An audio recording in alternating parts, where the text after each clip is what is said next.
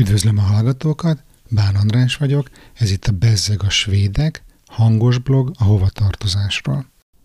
2019. januárjában arról írtam, hogy a svéd rendszámtábla elfogyott, mi lesz most. Ennek a felvételnek az időpontja 2021. szeptember 27. Érdekes módon az egyik legnépszerűbb bejegyzésem a Bezeg a Svédek blogon az a sztori lett, amikor 2013-ban ellopták az öreg Volvonkról a rendszámtáblákat, és kelet-európai és kelet-európaiak számára hihetetlen kalandokba keveredtünk miatta. Rendszámfetisista lévén remek alkalom volt ez számomra, hogy részletesen bemutassam a svéd rendszert. Korábbi bejegyzéseimben megtaláljátok, hogy hogyan működnek és hogyan néznek ki a svéd rendszámtáblák. 2014-ben jöttek a némileg megújult rendszámok, bár a három betű három szám felállás maradt. Már akkoriban is para volt, hogy elfogynak a kiadható kombinációk, de a svéd gyakorlatias hozzáállás néhány évre elodázta a következő reform szükségességét.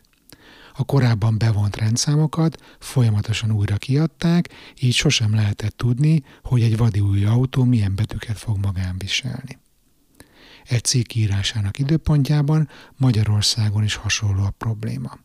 Jelenleg az R-es rendszámok mennek, viszont mivel a régi AS, B, stb. bevont táblákat nem adják ki újra, sokkal hamarabb ki fog fogyni a szusz a magyar rendszerből. A másik lényeges különbség a két ország hozzáállása közt, hogy Magyarországon egy várható változás esetén tutira kicseréltetik mindenkivel a meglévő rendszámot, hat kölcsön mindenki extra 10-20 ezer forintot, jól jön az államkasszába, meg a haver rendszámgyártó cégnek a zsebébe. Ide meg kell jegyeznem, hogy most már tudjuk 2021-ben, hogy ez nem igaz. Jönnek az új magyar rendszámok, ha jól emlékszem, négy betű három szám formátumban, középen borzalmas magyar címerrel, de nem kell lecserélni, csak az új autók kapják, és majd folyamatosan újul meg a rendszámállomány. Most vissza az eredeti bejegyzéshez.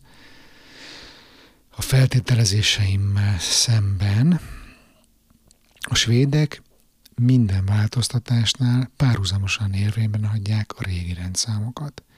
Így van ez a 2000, így van ez 2019. januárjában is, amikor már kénytelenek voltak változtatni. Bevezetik a három betű, két szám, egy betű formátumot, és érvényben marad a három betű, három szám is. Olyan szép és egyszerű megoldás ez. Jár a taps. Köszönöm a figyelmet, és tudjátok, Facebook csoport, feliratkozás, megosztás, iTunes értékelés, meg a szokásos dolgok.